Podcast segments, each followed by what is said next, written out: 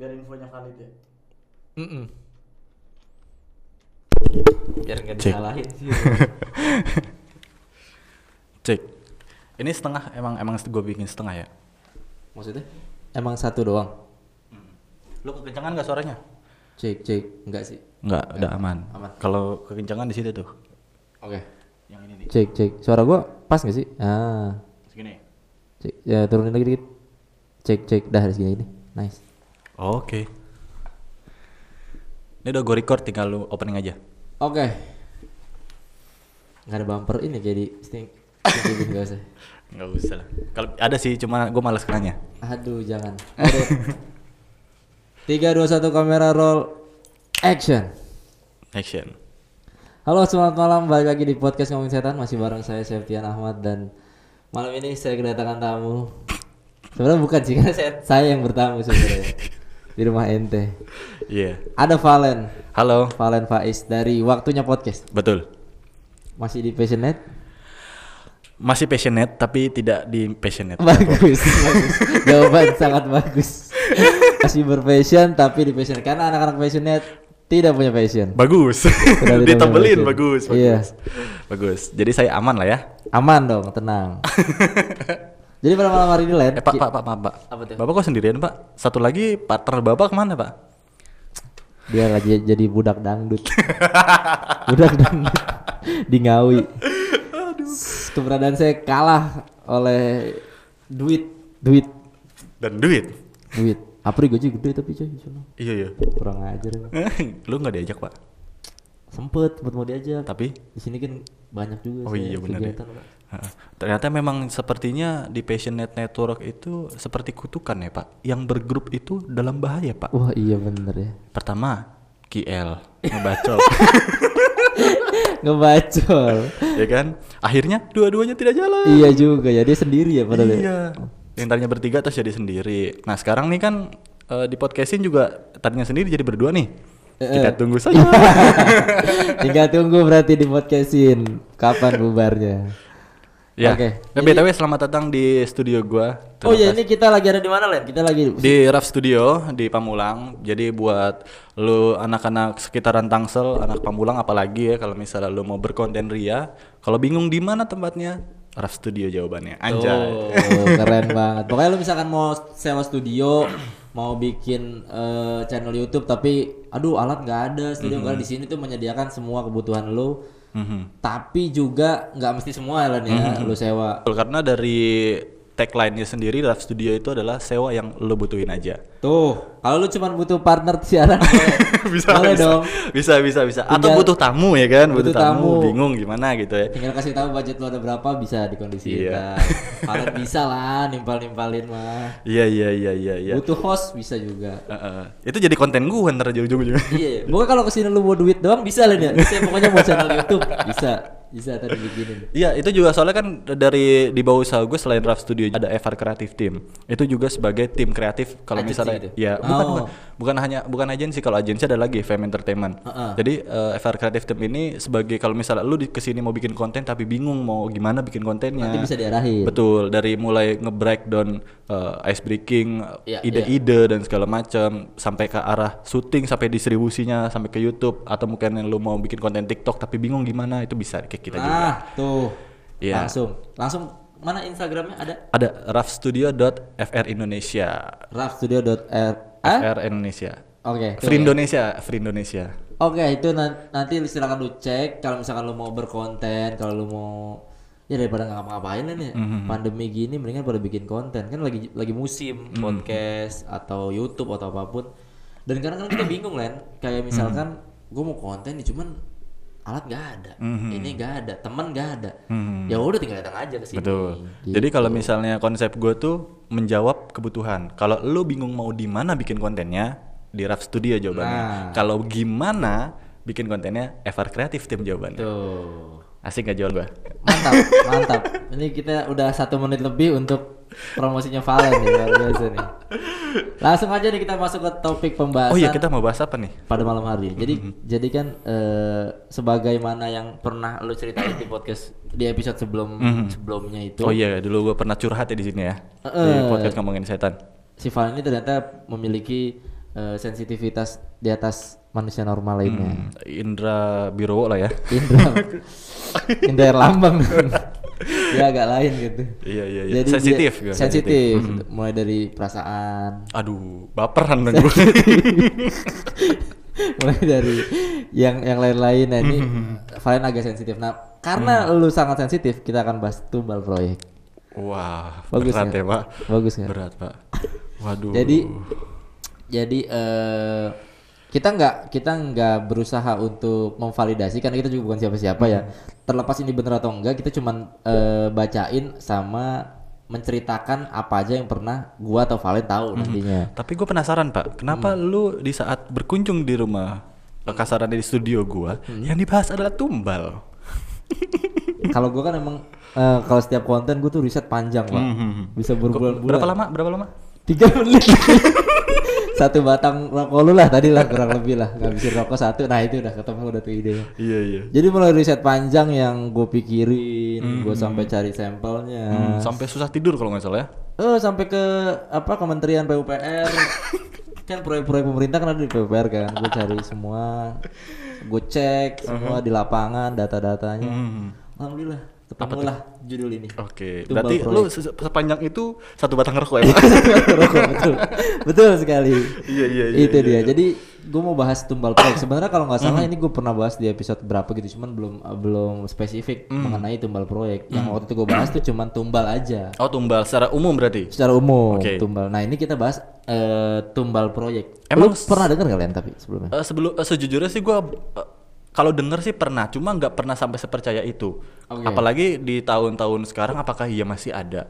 Toh juga kalau misalnya kita ngomongin masalah tumbal, tumbal-tumbal itu kan beridentiknya sama yang metafisik dan segala macam kan. betul, betul, betul. Apakah di tahun 2021 masih ada least, nah itu. iya masih ada nggak tuh Nah, yang dan kalau misalnya tidak memberikan tumbal seperti yang diminta, apa efeknya gitu loh maksud gua? oh Kayak ngerti kan maksudnya? ngerti ngerti jadi emang di eh kasiannya di Indonesia ya menurut gue sih kasian ya di tahun segini masih ada Masih ya. ada. masih ada Oke. orang-orang segelintir orang yang percaya dan eh, apa sih mengamini atau mengiyakan gitu tumbal-tumbal seperti itu Eh, sebenarnya pertanyaan dasar gua adalah buat apa gitu loh? Maksudnya eh, dalam dalam in case di saat kita ada proyek nih tumbal itu gimana? Maksudnya prosesnya tuh teknisnya gimana? gitu ah, teknisnya misalkan. teknisnya. Jadi eh, langsung aja mungkin gue akan ceritain satu kisah gitu ya. Jadi zaman dulu zaman Belanda gitu ada pembangunan salah satu tol di Indonesia. Mhm. Ini ini sih cerita ini cukup umum di kalangan teman-teman yang suka baca mistis tuh. Iya iya iya iya. Pasti ada entah di kaskus entah di buku-buku atau apa ini ini cukup legendaris. Oke. jadi ada satu proyek mega proyek lah yang di, yang diinisiasi sama Belanda. Mhm. dia itu eh, ingin membelah sungai. Oke. jadi jalan tolnya itu mau nggak mau harus menancapkan pondasi di sungai lah yang cukup gede. Pada saat eh, pelaksanaannya Mhm. Pembukaan lahan. Jadi kan teknisnya kalau misalkan lu mau bangun sesuatu pasti lu beli tanah dulu dong ke warga atau ke pemerintah gitu. Misalkan oh gue mau beli eh, tanah ini nih karena nanti harus dijalewatin jalan tol udah dibeli udah deal udah diselesaikan pembayaran apa segala macam ada halangan kedua. Ya itu. Penunggu situ. Penunggu penunggu oh I see. eh, yang tidak terlihat. Mhm. yang menyebabkan kadang-kadang terhambatnya proyek oke. sama hal-hal yang tidak eh, tidak bisa dipercaya begitu saja gitu Tidak ya, bisa dijelaskan juga tidak bisa kenapa. dijelaskan benar. Jadi kadang-kadang alat beratnya tiba-tiba rusak oke. operatornya sakit berarti dalam tanda kutip diganggu gitu ya? Diganggu diganggu Oke. lah dengan cara yang mungkin terus-terusan sampai akhirnya bikin si developer atau pemborong atau pembuatnya ini kesel lah gitu Hmm. kayak aduh ini kenapa sih? Biasanya dari situ dari gangguan-gangguan itu dipanggil lah orang pinter. Hmm. Albert Einstein ya kan? Galileo Galilei. Atau yang minum tolak. Iya betul. Tolak peluru. Jadi kebal dong pak. Kebal dong pak. Jadi dipanggil lah orang-orang pinter atau dukun lah gitu ya kalau Hmm. di daerah tuh untuk bernegosiasi sama penunggu dari situ. Oke. Bener nggak sih mereka yang ganggu? Kalaupun mereka ganggu, maunya apa sih? Nah, karena pemborong-pemborong atau developer ini tidak ingin memakan waktu berlama-lama, Shortcut lah ya.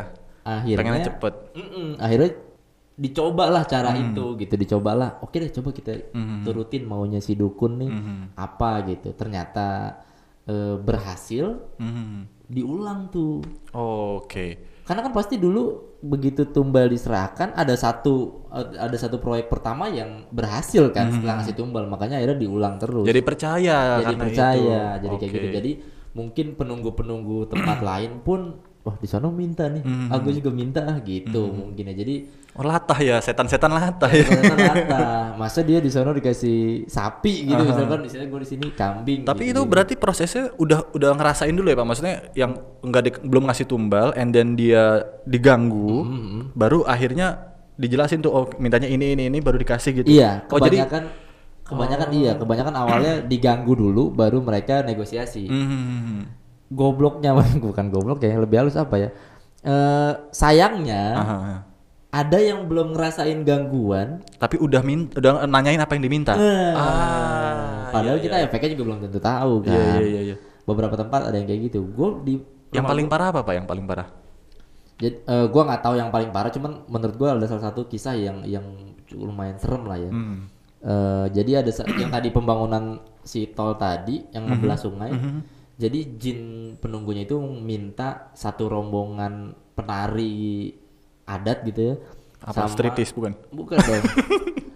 Penari ini apa opening World Cup 2020 2010 tuh nggak? Waka Waka ya. Waka Waka, ya. Apa sih? Shakira ya yang Shakira. Enggak, jadi dia minta rombongan penari Hmm. plus eh, pemain musiknya sama beberapa orang pekerja. Nah itu ngesetnya gimana? Jadi eh, teknisnya pada satu malam tuh di setting lah kalau misalkan developer ini berbaik hati Hmm. katanya buat para tukang-tukang eh nanti malam taruhlah malam Senin gitu malam Senin nanti kita libur dulu semua Mhm. kita mau ada eh, penari nih kita Hmm. undang penari buat menghibur kalian oh senang dong apa tukang-tukang tuh Hmm. jadi dibuat satu area pertunjukan itu digali di bawah di bawah Oke. tanah mungkin sekitar kedalaman 4 atau 5 meter gitu Hmm. dibuat se- sedemikian rupa biar tidak curiga biar Hmm. apa segala macam jadi orang tuh ngiranya oh iya eh, di sana tuh ada pertunjukan nih kita ke Hmm. sana habis itu eh, di malam Senin itu di malam eh, pertunjukan semua dikumpulin senang-senang lah tuh mulai senang-senang di tengah-tengah pertunjukan pihak developer sama tim yang udah disiapin itu ini ngelemparin batu-batu gede sama Diuruk tuh. diuruk Wah anjir. satu rombongan itu udah lewat Itu buat jadi fondasi tuh. jadi pondasi Dicor langsung. akhirnya dicor langsung Pakai peredam nggak tuh? enggak enggak usah enggak usah kayaknya mulutnya gue udah pernah gak bisa ngomong kayaknya udah serem banget tuh ya Gue sih bayangin sih, gue nggak bayangin gue sih. pas baca itunya kisahnya itu jadi kan gue gue baca dari salah satu buku gitu yang yang nulis juga kebetulan dia melakukan retrokognisi maksudnya dia Oke, eh, penelusurannya. Mm-mm, dan mencoba mencari tahu sejarahnya berdasarkan buku dan benernya tuh kayak gimana sama berdasarkan vis- eh, gaibnya tuh gimana dan digabungin. Ternyata klop itu salah satunya. Jadi eh, serem juga pas gue baca anjir satu rombongan dicor eh diuruk gitu buat ngasih sesembahan buat si penunggu sungai itu. Sungainya cukup gede di Indonesia jadi mungkin mintanya agak banyak dan bodohnya gitu ya dan Sayangnya lagi-lagi kalau bisnis sama jin kan emang nggak pernah nggak pernah untung gitu. nggak pernah untung kan jadi di tempat itu selalu terjadi kecelakaan tiap tahun ya rutin Bukan hanya sekali tapi berkali-kali. terus terus, terus sampai sekarang Aduh. selalu ada kecelakaan pasti di situ nggak pernah dalam satu tahun tuh nggak ada kecelakaan gitu kayaknya Hmm. pasti ada gitu ya walaupun ini bisa di di debat dengan kayak "Eh, mungkin kan ngantuk mungkin kan Hmm. apa segala macam atau kontur jalan yang kayak gimana segala macam itu mungkin bisa didebat tapi yang memang nyatanya nggak pernah ada satu tahun pun yang Tidak ada kecelakaan. tidak ada kecelakaan daerah situ gitu. Berarti itu kayak kita minjem duit and then ada bunga-bunganya tuh tiap tahun tuh ya. bunganya nggak bisa habis Aduh. itu yang itu yang ya, gue selalu bilang ke pendengar gue lu kalau misalkan mau bikin perjanjian sama setan mikir-mikir deh. Kalau emang keuntungannya cuman kayak lu punya usaha kecil terus biar laris mah nggak bakal untung lu. Kecuali lu yang kaya banget apa sampai kayak adalah artis tuh juga. Tapi bukannya kalau sama setan itu semakin besar, semakin besar juga yang harus kita kasih kan? nah iya ma- masalahnya kalau eh, sampai makan tumbal gitu kecil atau gede lu pasti rugi. Iya, Jadi benar, benar, gede benar. aja sekalian Iya, gitu iya, gua. jadi aneh lah. Pokoknya itu tuh salah satu kisah yang menurut gua lumayan nyeremin gitu Mhm. ada ada beberapa tempat juga yang yang naruh satu orang tukangnya kayak gitu-gitu jadi Wah, anjir. kan biasanya kalau bikin pondasi itu besi terus dikelilingin sama triplek Hmm. buat ngejaga si coran itu kan ya udah tukangnya entah entah dipukulin dulu apa gimana ada yang diikat terus dicor Tapi kalau misalnya kejadian-kejadian kayak gitu, apakah nggak dalam tanda kutip menarik perhatian gitu? Misalnya kan satu orang, apalagi segerombolan tadi hilang itu gimana, Mbak? tapi kan di proyek kalian lu bisa lu bisa apa manipulasi si pekerjaannya entah pekerjanya kabur dulu bilang segala macam Dituduh malah ya? iya Kasian bener. Iya. Udah udah udah mati dicor. udah dicor. Dituduh. makanya kalau misalkan ada yang tukang tukang tukang bangunan itu adalah eh, garda terdepan pembangunan bener selalu Iya, buat dicor Wah, dark jokes, guys. saya mau ketawa tapi saya merasa bersalah. bener bener bener tapi itu Anjir. Tapi segitunya ya, Pak? Segitunya segitunya apalagi nilainya udah udah nggak masuk akal maksudnya nilai-nilai proyeknya yang besar besar gitu Tapi dari situ gue malah jadi berpikir, apa jangan-jangan COVID-19 ini mau ada mega proyek dan yang dicor-cor itu yang di COVID kan? bisa jadi ya Iya kan soalnya diuruk juga kan modelannya kan? iya bener ya Ya kan COVID di Asal jam lempar satu. gitu, Ah, asal apa jangan-jangan itu kali pak? bisa jadi Ada yang lagi bernegosiasi pak? waduh bisa juga sih bisa juga sih Canda ya guys. Hmm, tapi covid juga kayaknya nggak tahu sih janganlah karena belum selesai ntar kalau udah selesai baru Iya iya iya. tahun depan lah tahun Iya, depan iya. udah Iya. COVID, baru kita omongin Emang Gitu. tahun depan yakin udah hilang kan mau ada klauster-klauster baru. Udah kayak kan, perumahan kan? Lo nggak tahu COVID di Indonesia sembuhnya dengan apa nanti? Apa tuh? Lupa. dengan lupa. Bukan dengan vaksin, bukan dengan orang jaga jarak. Gua kira sembuhnya tuh dengan teh hangat pak.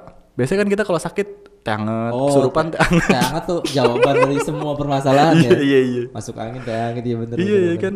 Lo habis kesurupan aja nggak ada tahu sakitnya apa deh, kasih teh hangat. Bener juga ya. Iya iya iya. Lo abis mabok perjalanan, teh hangat. hangat ya kan? Iya ya. Abis urut, pegel-pegel, pasti teh hangat. nah, kenapa nggak covid dikasih teh hangat aja ya? Iya ya. Apa eh, abis main bola pegel-pegel teh hangat lagi. Kan iya ya. Iya kan itu adalah obat segala penyakit teh hangat bro. Bener, bener, bener. Coba tuh yang covid boleh dicoba teh hangat. Mungkin dengan lo minum teh hangat jadi agak seger ya badan lo mungkin. ya. Mungkin tapi eh iya benar covid kalau Indonesia kayaknya baru lupa doang kan. Kalau menurut gua sih. Soalnya kalau kita lihat di luar juga, ini kayak gue nggak tahu ya apakah berpengaruh sama orang Indonesia yang sulit juga divaksin. Di, di luar negeri kan sekarang Euro aja udah jalan. Udah, Terus udah habis itu di- apa banyak orang-orang yang sudah Melakukan aktivitas normal. betul sudah sep- udah meno- apa normalisasi lah dari new normal ini gitu. Maksud gua eh, kita sih berharap yang terbaik ya buat COVID-19 Indonesia sendiri, tapi ya kita sebagai masyarakat juga harus gotong royong sama pemerintah untuk apa namanya Menekan angka betul penyebaran ya. betul yang meskipun gue nggak tahu covid itu aja ada apa apa enggak Ada Len. tapi Tidak bahaya kayaknya. Maksudnya kayak flu biasa kali. iya kan gue bertanya gue nggak Gue sih kayaknya kalau gue sih apa eh, percayanya covid itu ada tapi itu sih nggak nggak serem lah gitu harusnya. ya. Mhm. Maksudnya bisa ditenangkan lah gitu nggak nggak sampai iya iya kayak sekarang banget. Gue belum pernah swab gue. Antigen pernah gue. Coba, gue belum pernah swab. tapi pernah covid Nggak pernah. emang covid Karena itu kan gue nggak pernah tes gimana mau tahu gue. iya sih bener Iya kan? iya tapi nggak pernah positif kan Nggak pernah tes, jadi gue nggak tahu. antigen Rapid, rapid. Itu juga karena mau naik pesawat. rapid doang gue. Beli? Enggak, terapit bener Beneran, rapid. beneran. Ya, Oh. Islam. Cuman terapit akuratnya lu tahu. Hmm, apa buah pepaya aja bisa jadi positif ini saus cireng ya, sambal cireng yang yang dites sama si ini. Rina Nose ya? sambal cireng Iya, sambal iya iya cireng tahu gue positif katanya. Itu yang ngetes gue goblok banget. Aneh bener. Rapid buat siapa juga mau tapi di kalau misalnya kita balik lagi ke tumbal-tumbal tadi di di mungkin lima tahun kebelakangan yang udah 2000-an 2021 2020 ada nggak pak lu cerita-cerita yang tumbalisme ini masih berlaku masih gitu? berlaku. Ada lah deket rumah kita lagi. Hah seriusan Serius. Ini gua gua gua baru tahu nih. Ada jalan tol yang baru. Yang di Pacuan Kuda. Ah, nggak tahu lah, pokoknya dekat lah, pokoknya dekat-dekat kita lah, dekat-dekat sini lah pokoknya. Mhm. Di situ dan bar- pas baru jadi aja, tiba-tiba ada motor eh mau nyalip truk, terus belum karena nggak ketabrak, nggak ketabrak, nggak kenapa-napa, tiba-tiba tergelincir di tengah, Mhm. mati. Ba- Pas bat baru bat dibuka, pas di depan, di, pas di bawahnya malah di bawahnya tol. Tol itu kan Pas banget di bawahnya. Heeh. Pecah. Waktu itu gua eh, itu kejadian jam 10 malam ya. Wah gila lu. Sebelum jam 10 gitu gua mau nganterin bini gua balik waktu itu. Mau, mau balik ke rumah, macet banget ada apaan. Akhirnya gua putar balik kan lewat dalam-dalam situ. Besokannya lihat berita itu ternyata. Wah, anjir. Tapi kalau kayak gitu bisa kelihatan gak sih Pak? Maksudnya yang nyari tumbal itu yang seperti apa? Bisa. Dengan cara? Kan misalnya ya kayak kayak kalau misalnya orang awam bilangnya bisa aja kan karena ngantuk karena apa segala Oh macam. maksudnya si korban itu apakah apakah Ah, itu ada diminta apa- atau apakah tumbal atau enggak? Soalnya kalau misalnya udah ada udah kayak gini nih. Oh kalau itu kalau itu su- susah dibuktiin karena karena begitu lo ada ada ses- seseorang kecelakaan itu kan energinya mencarnya gila-gilaan tuh. kita Hmm. Residual energinya udah ngaco Hmm. deh itu. Nah yang ngumpul tuh udah jin aneh-aneh, maksudnya udah yang Iya, mencoba menghirup itu jin aneh-aneh, jadi susah dibuktiin mana yang mana yang emang apakah mereka di semua disuruh sama Hmm. raja jinnya atau gimana segala macam, nggak tahu. Pokoknya begitu kejadian udah pasti banyak yang ngumpul si Hmm. jin-jin itu. Nah itu macam-macam sih udah apa? Karena kan kalau misalnya ya ini pikiran awamnya aja ya kalau misalnya sudah ada satu kayak gitu kita harusnya bisa tenang karena ah, Iya, ya udah udah udah ditumbalin kok. Nah, Iya, iya, iya. kalau misalnya ternyata itu bukan tumbal, itu hanya kecelakaan, ternyata dia masih minta tumbal misalnya gitu. Nah itu yang susah. Antisipasinya gitu loh, Pak. Yang susah di, ya makanya eh, lagi-lagi kalau misalkan kita jalan di mana lebih baik sih ya hati-hati pelan-pelan kayak gitu Hmm. apalagi di tempat-tempat yang gelap gitu-gitu ya sebisa mungkin jaga jaga kondisi sendiri sih Hmm. karena kita nggak tahu Sama sekali nggak ada nggak ada nggak ada clue What bisa bisa siapa aja bisa lu pasti sering denger lah di, di tiba-tiba di tol ada ada yang lewat ada yang nyamperin gitu nggak sih lu? Hmm. yang mencoba mengganggu konsentrasi kita waktu nyetir pasti ada aja nah itu yang mesti kita waspada gitu Tapi juga berarti menjawab pertanyaan gue sih gue kalau misalnya sometimes di out of gue di entah itu jalan tol entah itu ada di jalan Hmm. raya sering kali gue tuh melihat re- mungkin rekam jejak ya mungkin gue nggak tahu atau residual energi yang mencoba untuk ngasih pesan ke orang-orang Hmm. yang bisa merasakan entah itu dia nangis Ah, entah itu- di pinggir jalan gitu Iya di pinggir jalan atau bahkan kalau misalnya gue pernah di satu momen 2014 kayaknya itu di mobil Hmm. dia bener-bener duduk di jok belakang gue di depan belakang supir gue lagi eh, sendirian gitu aneh perempuan perempuan tapi mukanya rusak. Oh. Itu gue kalau nggak salah itu di eh, keluar tol Pamulang 2 tau nggak lu? Iya Nah itu gue nggak tahu kenapa dan eh, even gue ngajak komunikasi pun yang meskipun gue nggak tahu gimana caranya ya kita orang orang awam aja ngajak komunikasi kenapa segala macem. Nggak dijawab hanya nangis gitu. Hmm. itu sering kali gue ngerasain residual energi yang sedih kalau misalnya kita ngelihat orang nangis kan kalau misalnya dari residual energi yang kita tangkap kita ngerasain pak Iya, sedihnya itu berasa Betul, gitu loh pak betul, bukan betul. hanya takut gitu malah gue kecenderungannya kalau ngelihat dan merasakan itu gue ikutan sedih Eh, bukan bukan berasa malah lah takut ya, berasa Ah, sedih. berasa Karena emang ya kan jin-jin gitu mm, nangkep lagi-lagi konsep jin kan nangkep energi ya, nangkep Mm-hmm. energi apa pun yang apa pun yang dia rasain sebelumnya gitu. Hmm. Ya memang bisa jadi yang dia rasain memang cuma kesedihan Mm-hmm. mungkin dan banyak juga jin-jin yang atau mungkin jangan-jangan soulnya itu trap terperangkap di situ kali karena ya jadi. bisa jadi tumbal itu bisa jadi bisa jadi entah entah kecelakaan entah Mm-hmm. pasti kita juga sering dengar ada be- be- beberapa kecelakaan yang organ tubuhnya Hmm. kepencar atau Mm-hmm. pisah gitu kan juga mm, bikin si bukan bukan nyawa ya bikin si sukma atau si jiwanya itu. jiwanya itu nggak tenang kan? Iya iya benar-benar ada kok ba- banyak yang kayak eh, jarinya Mm-hmm. lepas segala macam dan dan nggak sedikit juga yang minta ditolongin untuk disempurnakan kayak gitu-gitu. Jadi eh, lumayan nyeremin yang kayak gitu-gituan. Karena tumbal tadi nggak bisa ditebak kan tadi ngelanjutin pertanyaan yang soal kita bisa Cluenya itu ya. Eh, eh, itu nggak bisa ditebak. Makanya memang sebaiknya memang kita jaga. Kalau ngantuk mending istirahat kayak gitu gitulah Jangan ngambil resiko yang kita nggak tahu juga akan seperti apa. Mm-mm, karena semua bisa kena. Karena jahatnya jahatnya kayak gituan ya. Ya kalau udah waktunya minta tumbal ya dia siapa pun bisa ini gitu. Randomly. random random aja. Nggak ada khusus apa segala macam. Ini khusus yang proyek ya mungkin ini khusus yang terus eh, belum lama kayak baru satu atau dua tahun kayak satu tahun yang lalu lah di rumah gua mau ada pembangunan klaster ceritanya di Skala besar tuh. Apa klaster kecil? semenengah lah Menengah. kecil enggak gede juga enggak Soalnya kan kalau di Pamulang banyak klaster-klaster di dalam klaster kan. Iya kayak gitu tuh. Jadi rumah gua ada kampung nih. Ada kampung, mm, muat jalan mobil cuman satu mobil sama satu motor gitu ngepas lah. Di ujung kampung gitu ada tanah gede kan. Nah, itu mau dibikin klaster. oh, oke. Pembebasan lahannya udah, terus udah udah deal apa sih udah udah selesai lah proses eh, pertanahannya. Tiba-tiba pas mau pembangunan Mhm.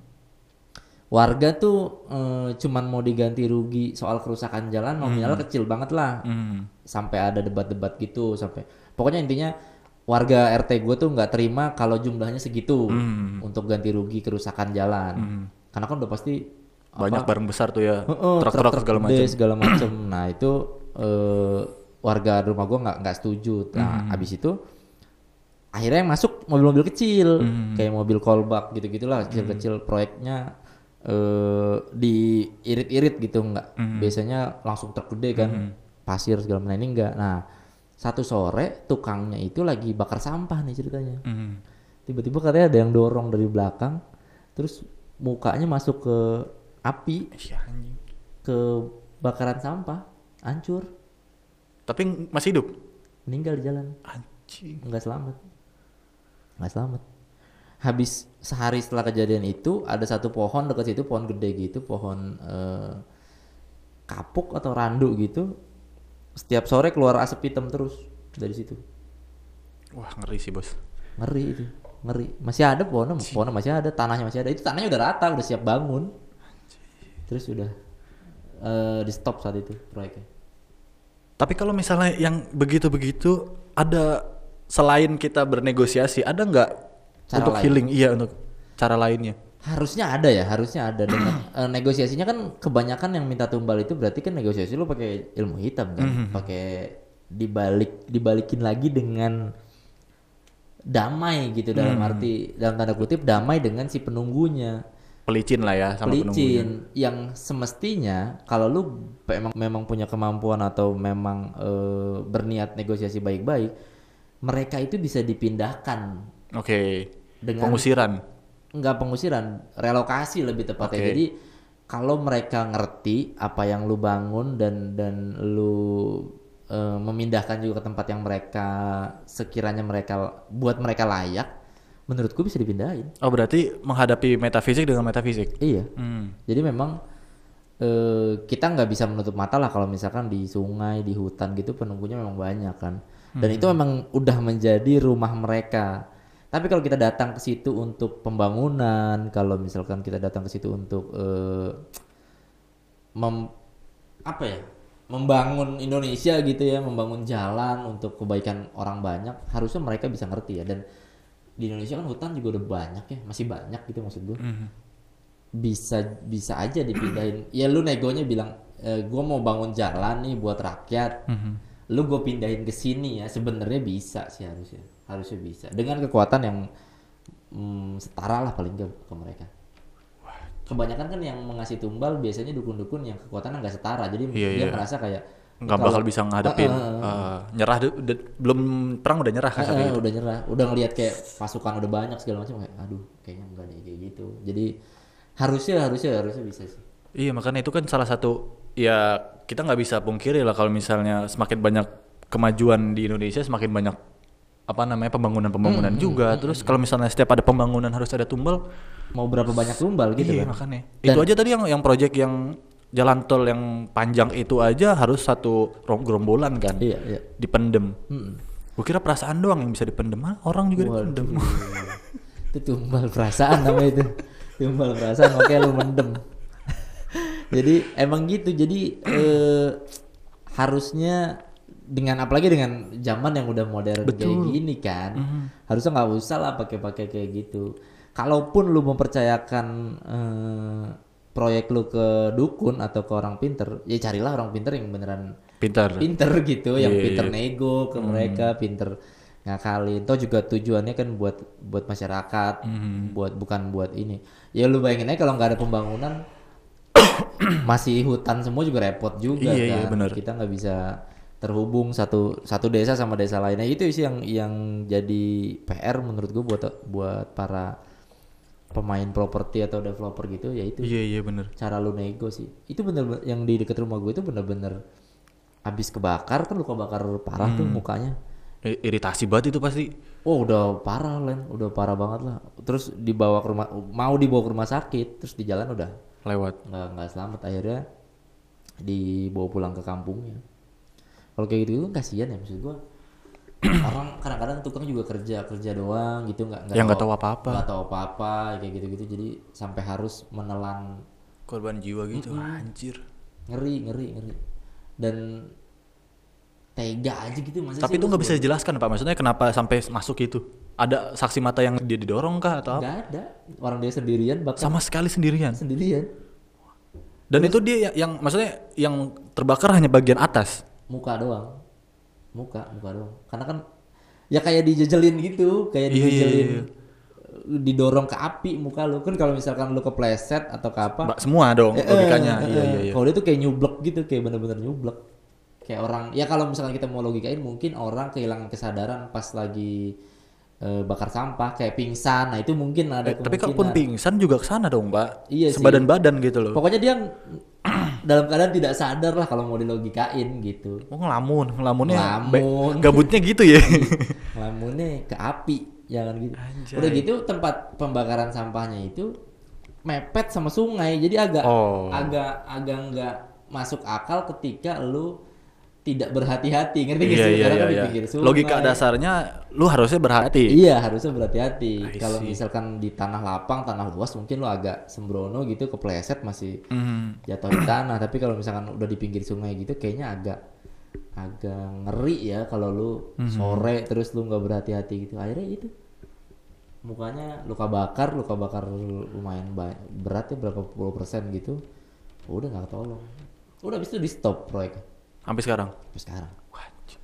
nggak ada lagi ngeri gue bilang ngeri nih tunggal proyek ngeri Or, ada lagi eh, ini pondasi gue lupa kereta api atau jalan tol pondasi dia meminta jin ini meminta tumbal sepasang suami istri yang baru nikah Aduh, nggak tahu diri nih jin-jinnya. Kan kasihan lagi enak-enak itu ya. untuk dicor di situ ngeri ngeri jadi eh ada tukangnya salah satu tukangnya yang mau nikah ceritanya Hmm. nah si jin minta pokoknya orang yang baru menikah tapi belum malam pertama Eh. jadi masih suci banget tuh ngerti nggak lo Ah.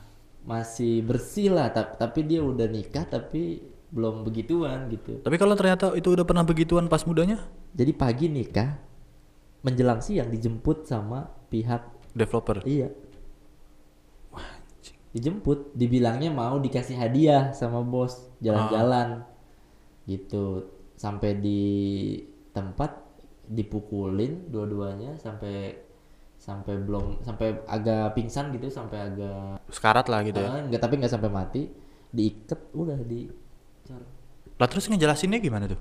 ngejelasin apa Ngejelasin ke keluarganya. Kan itu lagi acara nikahan, Bos.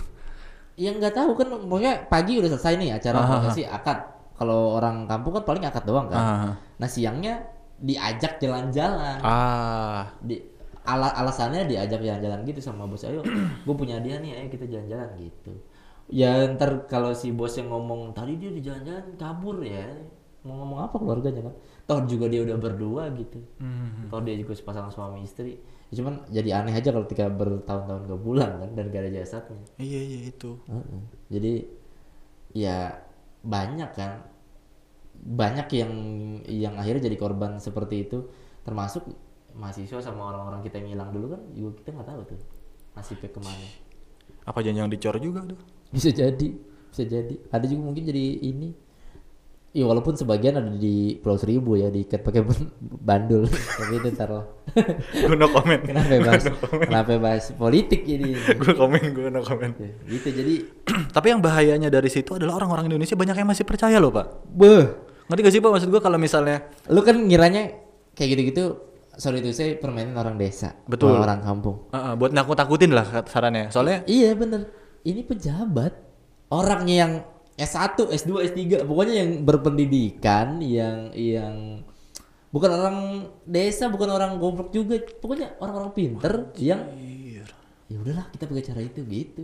Iya makanya itu banyak maksudnya yang bikin itu jadi suges kan bisa jadi kalau di psikologi itu sugesti itu loh maksud gua. Yang diulang-ulang. Betul, ya kan? yang akhirnya jadi fakta. Bener, kebohongan adalah orang katanya jadi kenyataan kan. Mm-hmm. Katanya ya kayak gitu. Jadi mungkin yang harus disalahin? Placebo itu namanya kalau di psikologi. Mm-mm, jadi diulang-ulang terus, ada yang percaya, ya udah jadinya pada karena harusnya kalau misalkan tidak di stop gitu ya kelakuan-kelakuan di stop harusnya sih bisa berkurang lah mungkin nggak hilang tapi berkurang lah Tapi itu maksudnya ini kita di luar dari apa namanya proyek besar ya itu berlaku juga nggak untuk pembangunan kayak misalnya kita bangun rumah kalau apalagi yang kerjanya kayak arsitek kayak lu kan juga kan rumah-rumah gitu misalnya per rumah apa apa harus skala besar gitu pak biasanya yang udah Tumbalnya. melibatkan uang besar ya oh gitu Mm. dan dan kalau rumah itu kan biasanya lu bangun rumah ya di pemukiman yang sudah ada Heeh, kalau buka jalan tol gitu kan kadang-kadang lu harus harus ngebuka sungai, harus ngebuka oh berarti hutan. itu yang baru lah kasarnya yang bukan Baru, baru. perumahan oh oke buat yang buka. memang yang tadi yang gue bilang yang memang kasarnya tuh rumah tinggalnya mereka gitu. jadi kalau nggak eh, kasarannya mereka ngerasa terusik Iya. karena di oh iya yes. Anjir, yang yang sebenarnya bisa dipindah harusnya. Iya iya. Tapi juga kalau misalnya pun dipindah, mungkin stigma dari para huntu-huntu ini yang nggak enak lah. Biasanya dimasukin ke botol. Iya, kalau botolnya enak. Kalau misalnya botol susu, kembung mereka pak. Iya. Sian. Kalau botol susu yang ini apa? Kertas karton gak enak juga tuh. Gampang rusak, janganlah. Kena hujan hilang rumah ya. kan? Tapi kan bisa jadi cerita kalau misalkan mereka dipindah dengan baik-baik, ditanya setan lain kan jadinya kena gusuran jawabannya ya kan? ya kan? Enak.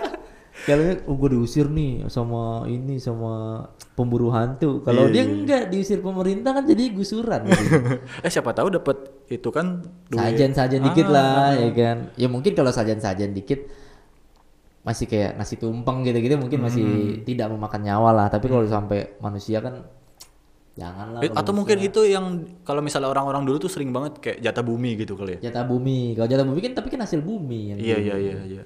Apa apa yang tumbuh dan dinikmati di daerah itu itu yang kita kembalikan kurang, Betul. kurang lebih gitu. Kalau ini malah tumbal ya jatuh. tumbal tumbal Dan harus nyawa. nyawa harus nyawa yang yang bernyawa manusia yang bernyawa ya. Aduh itu tadi Len ngeri juga ya. Iya iya. BTW gue mau nanya ini laptop dari tadi lu kok ngobrol sama gue nggak pakai ini? Enggak ini buat kayak aja dulu.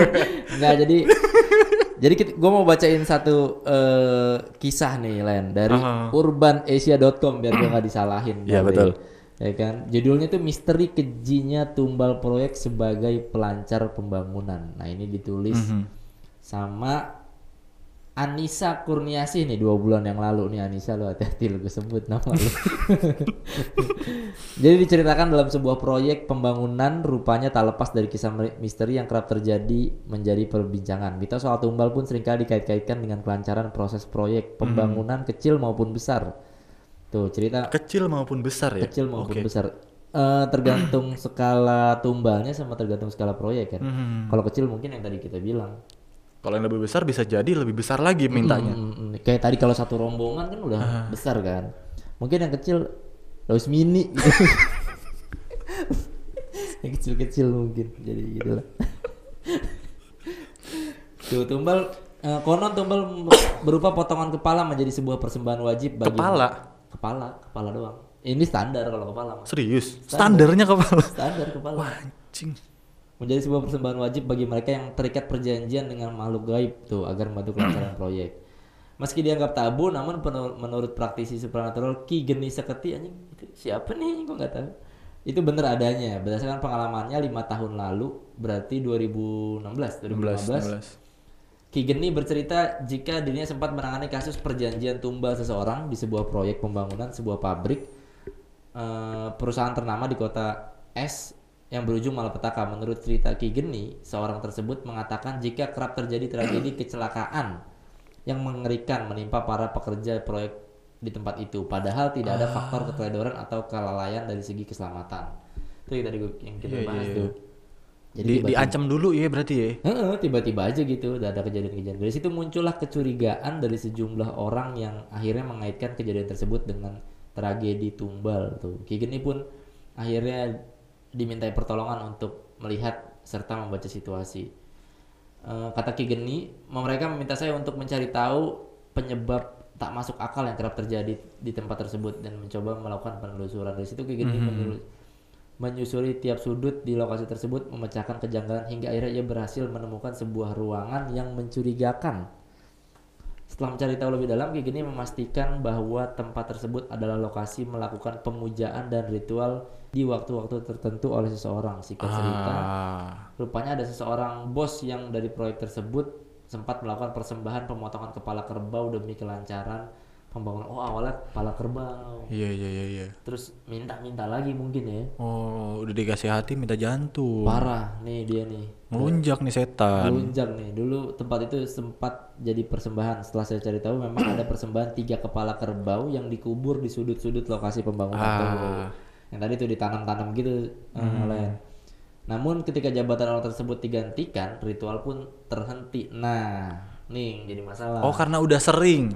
Udah jadi rutinitas. Eh, eh, jadi begitu yang melakukan itu diganti posisinya, kan yang baru nggak tahu apa-apa. dong. Hmm. Berhentilah ritual tersebut. Akhirnya mulai itu baru kejadian eh, yang tidak beres tuh terjadi pada proyek yang ia pimpin. Kemudian melakukan pembersihan lokasi dan memutus perjanjian yang sudah terlanjur dilakukan oleh pemimpin sebelumnya dengan berbagai ritual dan proses cukup panjang terputuskan ikatan tumbal tersebut. Dalam setiap perjanjian harus ada yang dikorbankan, apalagi ketika manusia menuntut sesuatu se- kesenangan secara instan Mhm. kepada makhluk yang semestinya ma- bukan semestinya makhluk halus kan suka darah, tulang, kotoran. Jadi ketika kita ada persembahan untuk mereka, yang lainlah menjadi korban tuh katanya. Mhm. Kayak gini menyatakan jika perjanjian tumbal sangat sulit untuk diakhiri, apalagi jika yang bersangkutan sudah tidak ada, apa pun ber ia pun berpesan kepada orang-orang yang ingin kekayaan dan kesenangan instan untuk berpikir dua kali dan tidak terjerumus kepada resiko yang membahayakan tuh. Jadi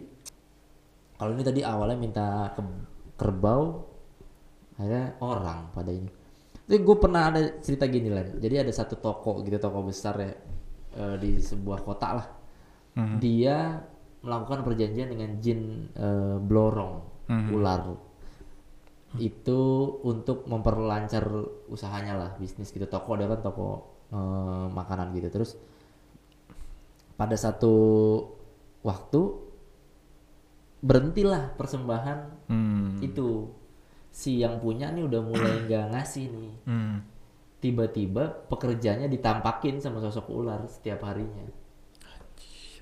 Stres terus keluar gitu-gitu. Jadi karena karena berhenti tadi tumbalnya ibaratnya gitu ya atau persembahannya biasanya mereka awalnya gertaknya gitu nimbulin diri dulu munculin diri. Neror-nerornya gitu ya. error abis itu udah.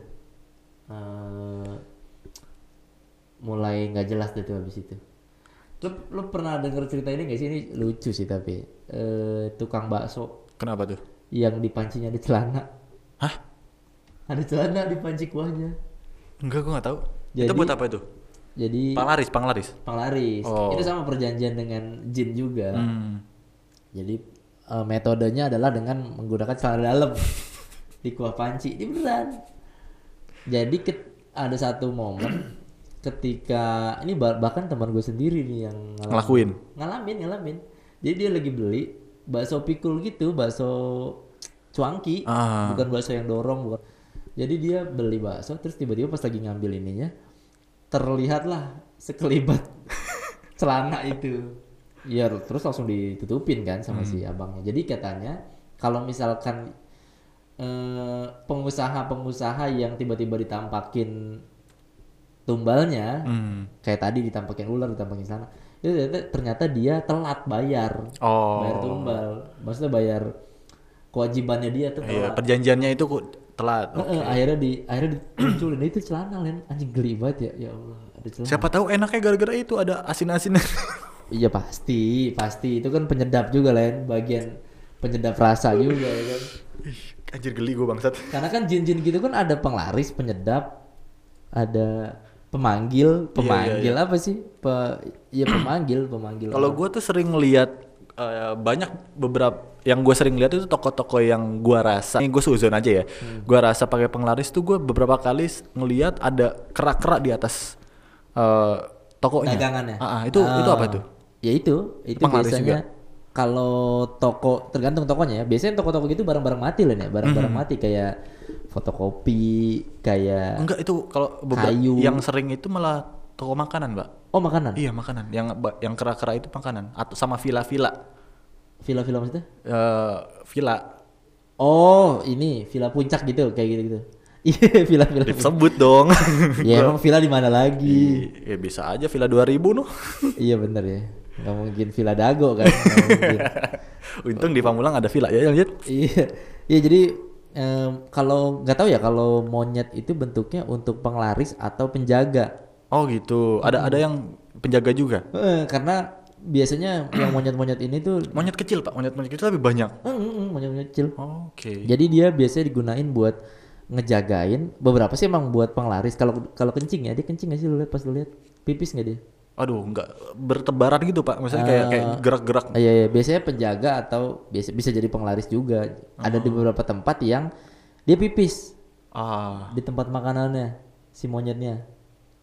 Ada. Oh, itu masuk berarti masuk ke dalam tokonya. Heeh, masuk dalam toko. Nah, kalau yang yang uh, sering gue lihat di atas aja di atas. kalau yang di atas biasanya jagain. Oh, biasanya oke. jagain. Biasanya jagain dari serangan-serangan ini lain karena eh pesugihan itu masuk ke pesugihan kan ya. Pesugihan monyet tuh cenderung nggak terlalu mahal. soalnya. Mhm. Biasanya buat benda-benda mati sih karena gue di Jatinegara gue lihat beberapa ada tukang kayak rongsokan gitu Mhm. jual beli kerdus bekas botol bekas itu pakainya monyet kayak toko souvenir nah itu biasanya pakainya monyet tuh ada juga yang biasanya kalau penyedap tuh ng- pocong atau kunti lo pasti pernah lihat Oh iya iya iya. Pocong tuh pocong penyedap tuh biasanya Len Di mana penyedap? ludah ludah ludah pocong kan sangat bermanfaat buat buat itu buat penyedap penyedap gitu lah Iya, gue gue malah nggak nggak nggak notice sih. coba dah ntar lu kapan-kapan Gue ntar nyari nih ntar sini. nih. iya ntar gue kasih lah tempat-tempatnya lah lu ke sini aja dan makan kalau lu kuat ya maksudnya Mhm. biasanya sih kalau yang orangnya bisa lihat terus suges maksudnya ini geli Mhm. maksudnya enak gitu kalau kayak apri gitu kayak kayak gua gitu sensitif juga cuman bodoh amat kalau misalnya kita- Cuek aja. ya. iya yang penting yang penting enak aja gitu Iya iya. Gitu. Ada sih beberapa tempat pocong biasanya sama kunti. Kalau kunti kan eh, liur yang dipakai. Ya pocong juga cuman lebih lebih menjijikan kunti karena netesnya ih, bikin geli kadang-kadang. Ada beberapa tempat di Pamulang ada nggak ya? Gue cukup lama sih nggak nggak ngebuka secara full terus jadi mungkin nggak nggak notice gue kalau misalnya ada kayak gitu. Coba ntar gua kasih lihat Karena terganggu pak kalau misalnya Parah, memancarkan terus parah. membuka diri itu terganggu banget. Pak. Heeh. terus juga bisa jadi dianya defense. Hmm. Maksudnya dia eh, kayak nggak nyaman juga. Mm-mm. Akan Karena ngerasa pak. lu. Paham pasti. Frekuensinya tabrakan soalnya. Begitu eh, seseorang yang eh mati dah kayaknya ya. Mati gak sih? Enggak nyala. Nyala. Ah, headphone lu. Oh iya, headphone gua. Cek. Iya kalau kalau orang yang eh apa? pe- penyedap gitu mah geli sumpah gue gue sih nggak nggak nggak tahu ya gimana deskripsinya cuman geli banget anjir Tapi kalau misalnya beda nggak antara apa penjaga, penglaris, penyedap sama tumbal itu? Beda caranya maksudnya. kalau tumbal kan persembahan yang lu kasih ketika lu mendapatkan keuntungan. Ketika mendapatkan keuntungan, Eh, tapi jadi sebelumnya jadi enggak. pesugihan itu ya pakai tumbal pasti. Oh, oke. pesugihan itu pasti pas- pasti pakai tumbal. Tapi itu tipenya berarti banyak Pak, nggak hanya kayak yang buat proyek itu. bro beda mbak banyak banyak. Ada ada tumbal untuk eh, kekayaan. Ah, karena itu tiba-tiba orang kaya banget paling gampang dicerna babi ngepet Anjir. babi ngepet kan tumbalnya keluarga maksudnya dia pasti makan salah satu keluarga di di antara keluarga lu pasti kan tuyul deh tuyul lu pelihara tuyul Termasuk sakit nggak sih pak? sakit bisa jadi bisa jadi karena kan dia selalu minta apa ya minta darah sebenarnya kan minta minta Oke. minta jiwa lah gitu bisa jadi digerogotin sama gitu-gituan. Berarti yang ditransaksikan itu adalah jiwanya ya? jiwanya jiwanya. Lu lu misalkan gini lu minta apa? Misalkan lu minta oh, gue mau kaya dong mau kekayaan gue mau 20 miliar misalkan gitu 20 miliar oke 20 miliar. Gua kasih ya 20 miliar tapi gue minta anak lu misalkan gitu. Anjir. minta anak lu atau gue minta misalkan lu nggak punya anak misalkan gitu gue minta anak bayi yang umur sekian misalkan gitu. Nah itu itu biasanya eksplisit dia ngomong jelas maunya apa? Maunya Dan itu selalu lewat perantara ya pak? kalau lu eh Kayak negosiasi, negosiasi ya misalnya. punya, eh, pakai calo. Tapi kalau misalkan ada beberapa orang yang memang langsung. langsung langsung. Yang dia memang sudah mungkin udah sangat putus asa kali sama hidup gitu yang kayak penyembah penyembah setan gitu kan mereka datang langsung ke perkumpulannya kan Oh. Men- secara sadar datang gitu gue mau daftar dong ke ini kayak gitu gitu sih serem ya Serem banget, di di sekitar kita masih ada perkumpulan penyembah setan loh banyak loh Perkumpulan penyembah setan. Iya. Mereka bikin komunitas. mereka eh, kedoknya agama salah satu agama Oh I see. penyembah setan dan mereka eh, ini menyebut dirinya kalau yang Kristen itu satanic church gitu Mhm. jadi gereja setan gitu nyebutnya Oke di film-film berarti. iya di sekitar kita ada di bro di dekat-dekat kita juga banyak Anjir. yang eh apa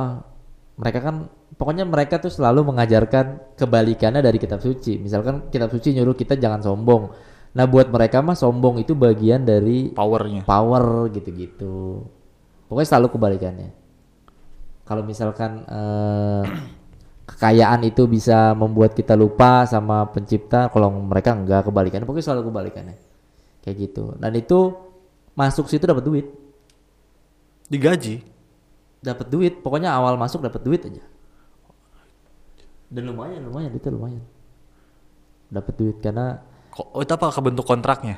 eh, darah. Lu kan diminta darah lu. Anjir. darah lu kan diminta buat itu Buat sign kontrak sama ah buat sign kontrak bener Anjir. akan diminta Gue pernah lagi apa ngerasain residual energi yang modelnya begitu di satu rumah di daerah Bekasi. yang Satu keluarga. mereka begitu Satu keluarga itu pernah sign kontrak. ngeri bener ya sampai satu keluarga pasti kan anaknya dipaksa tuh Gua rasa kayaknya ayahnya mungkin ya Iya, kerja, cuma mereka nggak tahu terus habis itu diomongin apa sama keluarganya tapi satu keluarga dan oh, iya, iya. Eh, udah mungkin 20-an tahun rumah itu nggak dihuni karena satu orang meninggal berentet pak. Terus terusan iya jadi ab- sebu- hari ini eh, ayahnya nih tabrakan. Besoknya ibunya ditabrak atau apa. Pokoknya ceritanya gue lupa itu dua tahun yang lalu lah gue ke Bekasi penelusuran. Dan itu yang gue dapetin. Ngeri ngeri ngeri banget. Kalau soal eh, karena kalau udah ngomongin uang gitu ya kadang-kadang emang uang yang terlalu besar tuh kadang-kadang bikin orang lupa juga gitu lupa diri. Kayak kayak apa sih? Tapi itu gawat banget sih pak kalau misalnya sampai tumbal gitu pak. Kisah salah satu kontraktor apa eh, yang kemarin sekeluarga dibunuh juga kan? Serem juga. Mereka satu keluarga loh disisain satu anak yang gagu. Itu kan ngeri gitu ngeri banget. Padahal itu kontraktor baru aja dipilih. Jadi duit itu belum masuk sebenarnya. Hmm. jadi ada tiga kontraktor yang anjing ini proyeknya belum lama banget lagi tiga kontraktor yang tender. Nah dia yang menang. Nah eh gua nggak tahu apakah duanya itu berkolaborasi buat dapetin atau salah satunya gua nggak tahu. Yang jelas keluarganya si kontraktor ini dihabisin sampai ke pembantu terus eh disisain satu anak yang gagu ngeri banget sih anjing. Ngeri ngeri banget. Itu rumahnya kan abis itu udah nggak ditempatin kan rumahnya lama lakunya tuh Ray White lagi yang diwawancara lo cari di YouTube udah ada. Be- apa jual rumah bekas pembunuhan gitu. Anjing, katanya susah banget agennya jual. Ya iyalah gimana caranya jual anjir? Rumah mewah lagi ya. Bekas ada pembunuhan. Di Cinere sini deket gue sering cerita berkali-kali di podcast ada ini lain rumah dijual 8 juta per meter. Di mana? Cinere Villa Cinere mas. Ngaco nggak lu? Bekas apa itu dulunya? Pesugihan. Waduh. Bekas pesugihan. Udah ketutup pohon gitu, udah nggak jelas bentukannya. Tapi nggak lama laku. Kalau gue sih selalu nyaranin teman-teman beli aja rumah kayak gitu loh kalau ada yang murah. Kalau so- so- kalau soal pengusiran mah pasti bisa. Soalnya kan dia hanya ganggu yang ada kaitannya sama keluarga tersebut, sama yang punya janji. Tapi kalau misalnya penghuni baru, Penghuni baru kalau lu eh, tergantung perilaku kita kayak gimana sih ya kalau misalnya tidak kayak gitu. terlalu kuat atau tidak coba ngebersihin gitu juga tetap keganggu. Cuman eh, kans lu buat menang kalau penghuni baru lebih besar. Tapi kalau misalnya, ya kita berandai-andai lah. Kalau misalnya gue anggaplah gue awam. Kalau misalnya kita nggak melakukan pengusiran, tapi kita juga nggak mengusik, ya udah dong gitu aja. Maksudnya biarin aja gitu, bisa nggak sih? Bisa aja tapi tergantung yang ada di sini seberapa banyak ya. Karena kalau makin banyak pasti makin sering gak sih lu pasti bergesekan maksudnya pasti. Oh iya benar. ada aja satu dua hari yang kecolongan gitu maksudnya. Iya iya. iya. Tiba-tiba dia lagi iseng atau gimana tetap aja sih. Kalau cuma satu dua mungkin lu masih bisa lah berdampingan gitu ya. Iya maksudnya berdampingan itu. berdampingan kayak ya setiap rumah pasti ada kan satu dua gitu yang dia senang mampir kah atau memang dia tinggal di situ kalau satu mungkin kita nggak akan ngerasa terganggu atau gimana tapi kalau udah ngelebihin jumlah anggota keluarga lu kemungkinan besar diganggu pasti Wah pasti anjir. lebih gede gitu Pusing bangsat. uh, banyak banget kayak cerita-cerita gitu tuh makanya janganlah tumbal-tumbal tuh Iya, mana mana gue ada ada berpikir dalam waktu lima tahun ke depan main ke properti juga kan gue bisnis. Tapi ternyata ada gini-ginian gue agak agak takut pak saya pak. nggak apa-apa jadi ntar kita cari tukang Aha, Buat ditanam. tapi dia bilang ke keluarganya kalau dia kabur gitu Jangan. Kita spoiler dong pak. Oh iya bener ya. Enggak enggak bercanda. Kita ajak jalan-jalan. Kita ajak jalan-jalan. Jalan-jalan tapi nggak balik dua tahun. Iya, tapi emang tapi emang jadi PR karena harus hidup sih. Iya betul. Itu Jadi yang masalahnya kan. dulu. Tapi kalau misalnya selain, maksudnya bisa nggak diakalin dalam tanda kutip ya? Misalnya dia mintanya orang hidup terus ditanam, kita nyari, at least kita, mohon maaf nih misalnya kayak orang gila yang nggak punya keluarga gitu, bukan pekerjanya, bisa nggak sih diakalin, dibego-begoin gitu? Bisa aja cuman kan tetap aja Len. Nyawa orang juga. Iya sih. Bisa aja nggak kali. Kenapa gue menjadi berpikir jahat ya Allah? Malah tuh mulai nyari orang gila mana ya yang orang gila mana nih yang nggak terurus kira-kira ya. Tapi bagus juga daripada orang gila nggak jelas kan di jalan. Eh, saya tidak ngomong begitu. Iya kan? Terus itu kan ganggu kadang-kadang galak gitu, mendingan dimasukin panti, Eh, panti di atau di rumah sakit jiwa atau ya kan? di cor. Janganlah, jangan kasihan. Maksudnya tumbal-tumbal gitu lu nggak bakal untung. Iya, iya. Beneran. Se- Bahkan sekalipun ya ada yang tumbal cu- cuma telur lah, cuma telur aja, telur rebus. Lo harus taruh di salah satu sudut rumah lo gitu misalkan. Itu kan termasuk tumbal, sesuatu yang lu persembahkan heeh. untuk mereka gitu. Itu tetap aja lu ngerugiin lu tetap aja. nggak bakal ada untungnya. Dan itu meningkat nggak sih? Jadi Biasanya awalnya ini. perjanjian, oh tapi- gitu enggak ya? Ter- kalau meningkat sih enggak kecuali lu bikin KPI baru ya, target baru. Target misalkan anjing gua keuntungan 5 juta kurang nih kayak 5 Hmm. juta nih. Telur sih cuman ya 10 juta ayam dah misalkan gitu mungkin.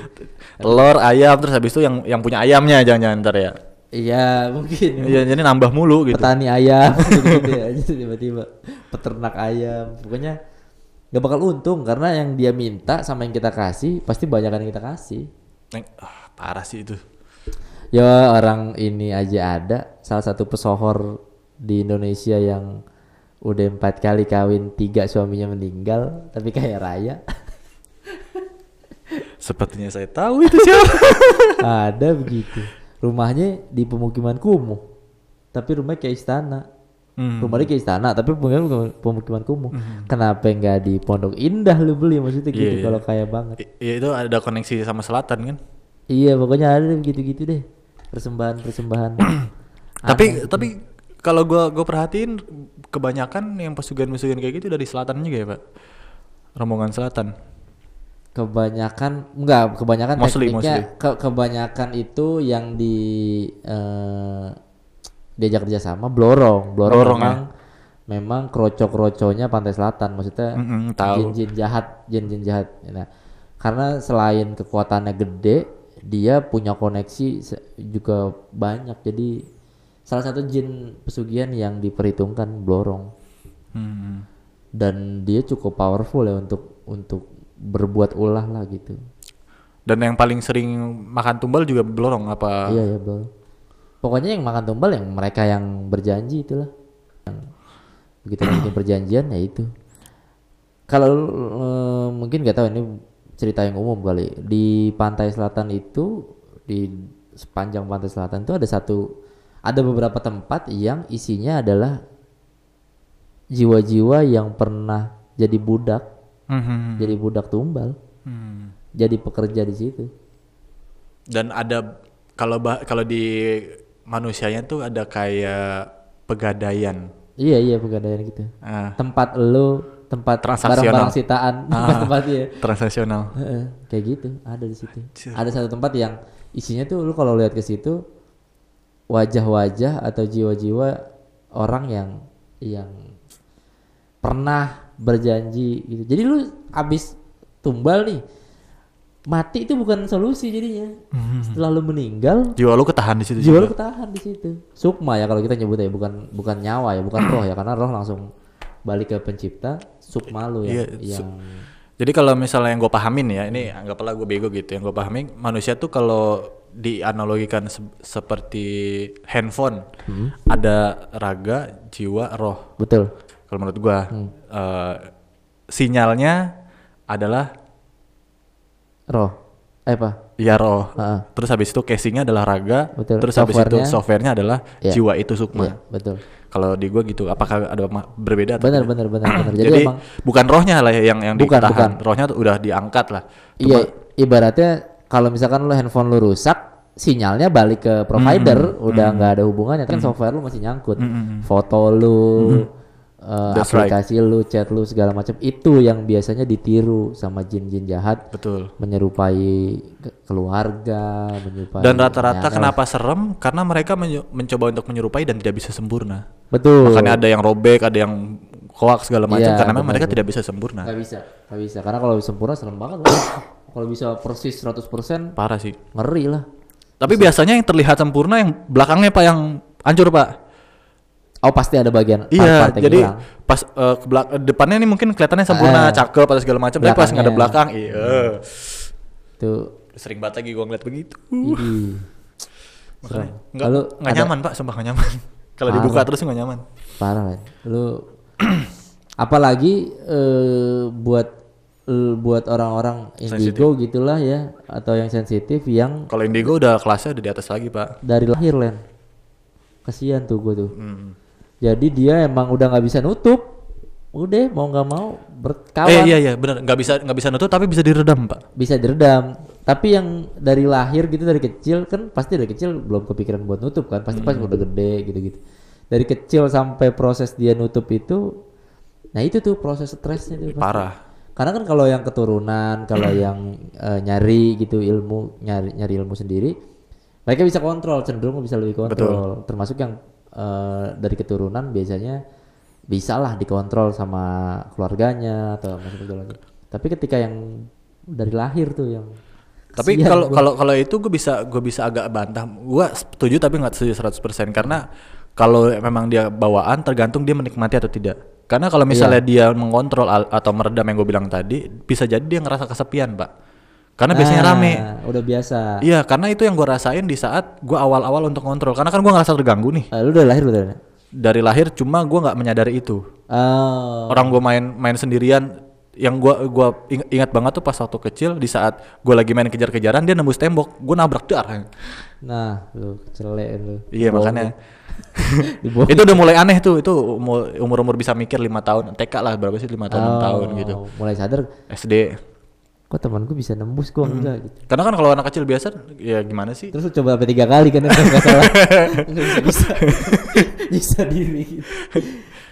iya ya gitu lah pak.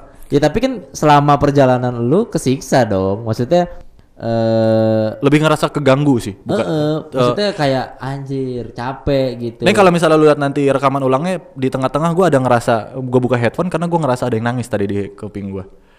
Gue nggak tahu lu ngerasain apa denger apa enggak. Enggak sih tadi abis nangis ketawa deh. Pokoknya pokoknya emang yang yang gua agak ya gua kesih bu ya kesian lah sama teman-teman yang yang kayak mungkin kayak lu dari kecil. Terganggu. Gue sih bilang kesiksa ya karena 24 jam kan gitu-gitu kan? Hmm, bahkan sampai tidur pun. Heeh.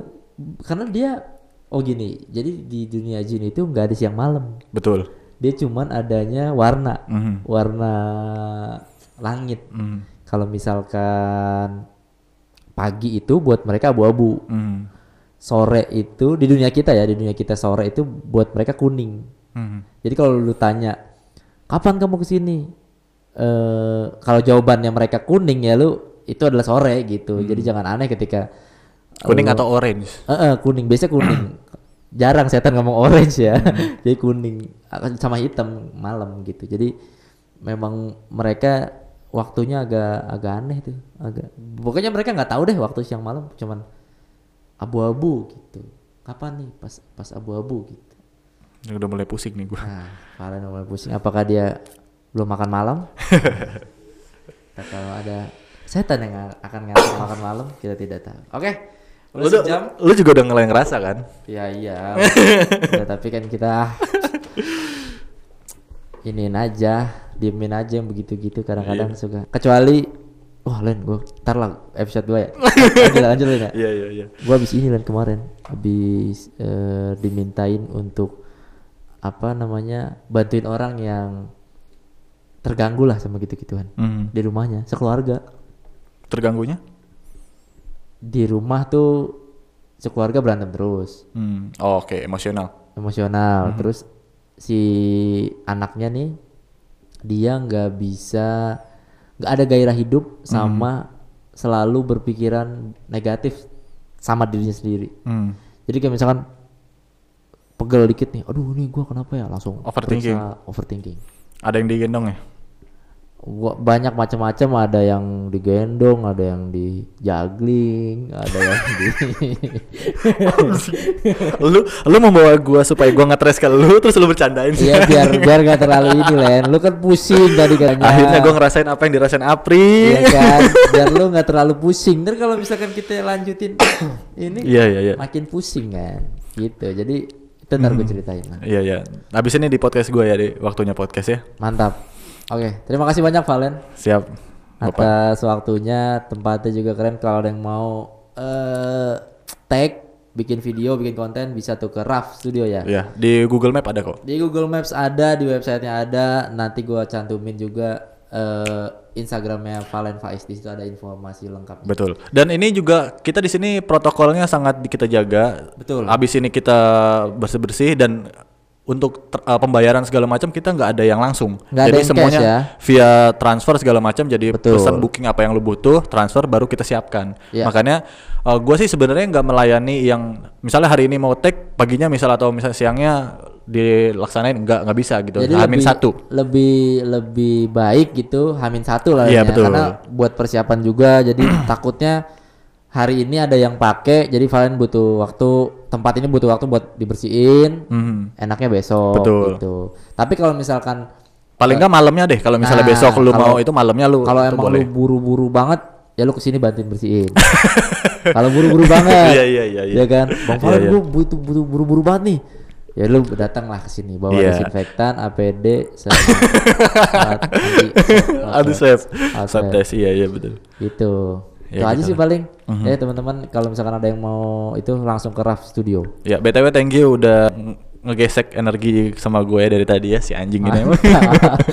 Valen mulai pusing. Nanti kita mungkin makan dulu baru kita lanjutkan di episode berikutnya. Sampai jumpa di episode uh, podcast ngomongin setan berikutnya. Kalau misalkan ada yang mau kirim email cerita-cerita tanya-tanya silakan kirim ke kotak surat .pns@gmail.com Oh bisa ya kalau misalnya ngirim ya? bisa dong Wah enak nih gue bisa curhat ke PNS nih. Us, mantap bisa Karena juga- kan gue juga pernah bilang kalau gue itu punya insekuritas terhadap apa yang gue bisa kan. Heeh. Ah, jadi banyak sebenarnya banyak yang gue pengen ceritakan tentang apa yang gue rasain, tapi gue nggak belum te- ketemu platform yang pas nih. oke Karena dulu gue pernah punya sama teman-teman eh, kanal YouTube yang penelusuran-penelusuran menurut gue jadi bukan tempat gue untuk bercerita. Gue jadi kayak sombong unjuk gigi gitu nggak lo? Iya karena mau nggak mau kan, karena di Betul. tempatnya seperti itu. Iya, Kalau misalkan kita ngobrol santai, mungkin nanti episode kedua kita akan pesen minum atau apa sa- sambil ngopi-ngopi kan enak. Iya iya. Bisa bercerita. Oke. Thank you banget. ya. Sampai jumpa di episode berikutnya. Salamin buat Apri. Ya. Thank you. Dadah. panjang juga ya. Satu jam. Gak berasa. Podcast tuh temen gini pun gak berasa. Karena yang, yang ngobrol suka bacot. Coba kalau misalnya yang kagak yang biasa-biasa